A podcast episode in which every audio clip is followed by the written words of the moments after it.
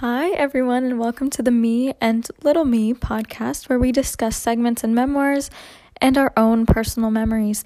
I'm Nyla. And I'm also Nyla. On this podcast, me and my lovely grade 8 self reflect on our past. Past Nyla, would you like to introduce what memoir we are discussing today? Sure, so today we are discussing Born on a Blue Day, written by Daniel Tammet. He explains his journey going from when he was very young up until now, essentially. Perfect. So, the memory we chose to discuss today was when Daniel confessed his love for one of his high school classmates, and it didn't go so well. I walked out of the room as soon as I handed him my message, unable to stay while he read my innermost thoughts. Later, at the end of the school day, as I walked towards the gates, I saw him standing in the middle of the path, watching and waiting. Deep down, I wanted to turn and run, still feeling unable to face him, but it was too late. He had already seen me. We stood together on the path, and for a brief, happy moment, it seemed as though he had entered my world. He handed me back my note and said simply and gently that he could not be the person I wanted him to be. He was not angry or upset and did not rush away, but stood patiently looking at me until I dropped my head and walked away. So, what did you think of that, past Nyla? Wow, great question. Well, Daniel Tammet uses this memory to introduce his love life into the novel and Tammet coming to terms with being gay. This was the first time he took action related to his sexuality, and although he wasn't successful, it was a pivotal part of his story because he had never expressed his sexuality to anyone, even his parents. In the later parts of the novel, the audience is introduced to his long term partner Neil, and this memory is the introduction to his attraction to another person in a romantic way. In a sense, this prepared him for his relationship with Neil, and it allowed him to have experienced the worst case scenario when dating rejection. I completely agree. This experience helped him put himself out there and meet Neil, who is also autistic and can understand Daniel's feelings better. Right, so since you get to choose the personal connection today, future me, let's hear what you came up with. Okay, so the memory that I chose was when I applied to go to Agincourt High School. Ooh, I haven't experienced this one yet. Yeah, I have a feeling you're not gonna like this one. What? What happens? Well, I was in grade 8 and I didn't like my homeschool because many of the kids in middle school were not the nicest people, and my area was not very diverse, so I felt a bit isolated. My best friend in middle school, Jeremy, mentioned that he was going to apply to Agincourt Collegiate because his sister went there, and so I decided that I also wanted to apply there. I researched the school and it was everything I wanted. There were a lot of AP courses, it was known for its academics, and my best friend was going to be there too. The night of the open house, I was extremely nervous. I walked in and I looked around at the tons of people who were cramped up in the gymnasium. It was terrifying to say the least. After they explained their programs and the information about the school, we were able to mingle with the other prospective students and parents. It felt like I belonged there. There were loads of people of color and people like me. I met with Jeremy and his parents, and we talked about how great the school seemed. When I got home that night, I applied immediately, and for the next month, I checked the mailbox every day waiting for a response. I walked down from my room, and the letter was here. I opened it, and Jeremy got in, but I didn't. What? Wait, stop recording. This is serious. Are you kidding? Why would I be kidding? Sit down, Past Nyla. You were so dramatic. Just wait, the story isn't finished yet. Gosh.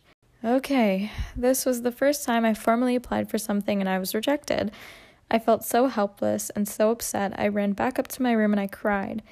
I knew I wasn't going to school with my best friend, and that scared me. I had never been very social, and I felt way more comfortable entering high school with someone I knew, and it broke my heart knowing that we'd be split up. Although I didn't get into the school I wanted, I also applied to another school which I considered to be my backup. It was Delphi. My cousin had gone there and he'd really enjoyed his time there. I had gone for an interview for Delphi and I was accepted on the spot. I remember thinking, well, this sucks, but at least I'm not going to Mowat. Little did I know that getting rejected from Agincourt would actually be the best thing to happen to me, because the years I spent at Delphi were better than I could have imagined. Wow, okay, that doesn't seem so bad. Exactly, Past Nyla. So, what connections can you make between this memory and the one from the book? Rejection is the worst feeling, but sometimes it can end up working out better. Daniel was rejected by the guy he liked at school, but it helped him meet Neil. Neil and Daniel may not be perfect, but Neil accepts him and helps him deal with his stress in a healthier way. Yes, past Nyla. This is how I feel about Delphi. I didn't know at the time, but I thrive much better in a smaller environment, and Agincourt is a big school. Having somewhere where the people around me are dealing with similar struggles that I am helped me feel more comfortable and happy. Neil and Daniel are both autistic, and it helps them understand each other better. When Daniel gets upset or uncomfortable with something, Neil helps him calm down. For example, when Daniel mentions how even a small, unexpected loss of control can feel overwhelming, and Neil has learned to be patient with him and let these overwhelming moments pass. Although Agincourt was a school that seemed more inclusive to my differences, I didn't realize that there could be another better and more inclusive school for me. Delphi teachers and students understand what I go through and help make me feel better about my differences, similar to the relationship between Daniel and Neil. Wow, I never thought about that. Mm-hmm. So, past Nyla, what did you learn from this book? There's a lot to learn in regards to rejection, not only in the selection, but in the book in general, and how it can work out for the better. Another point in the book where rejection happens is when Daniel applies for several jobs and doesn't end up getting them.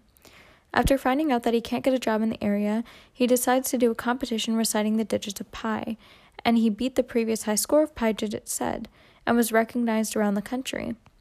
He was asked to be a part of the documentary and was able to tell his story in multiple ways, including this book. Exactly right, past Nyla. It's something that I'm learning to integrate into my life, especially since university is around the corner and there's a possibility that I won't get into my top choice. I'm learning to trust that things are going to work out no matter where I end up and to make the best out of situations that seem bad in the moment.